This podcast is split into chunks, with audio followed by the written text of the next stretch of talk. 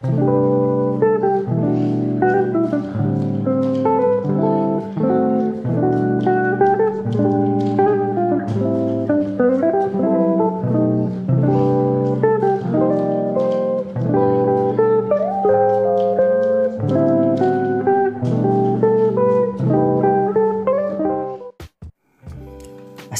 warahmatullahi wabarakatuh.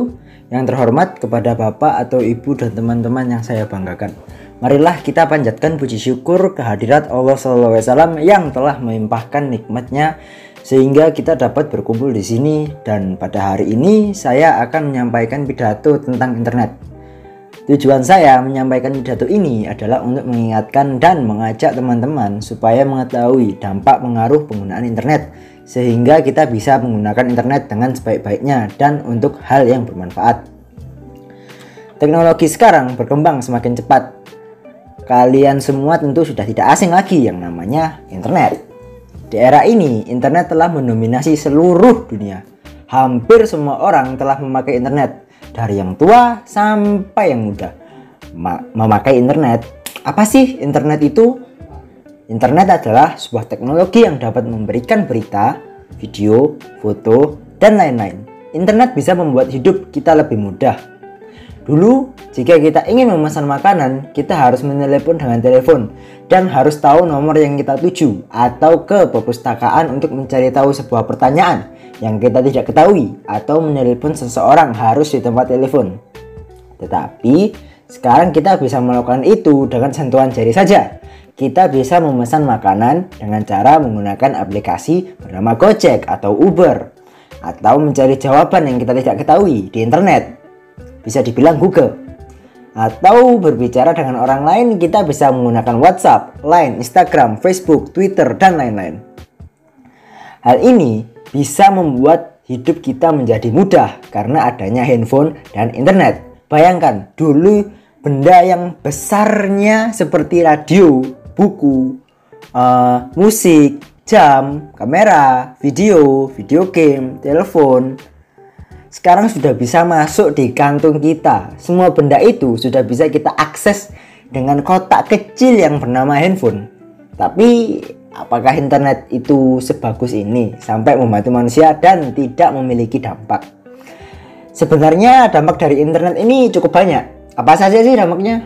Kita di internet bisa mengakses apa pun, Apapunnya itu semua hal dari yang positif maupun negatif. Dapat dengan mudah mengakses konten-konten negatif, misalnya kekerasan. Yang positif adalah tadi yang saya sebutin dan yang negatif kita bisa mengakses situs-situs dewasa. Yang laki-laki bisa melihat wanita yang tidak halal dan wanita menggunakan untuk melihat laki-laki yang tidak halal serta perilaku kecil lainnya.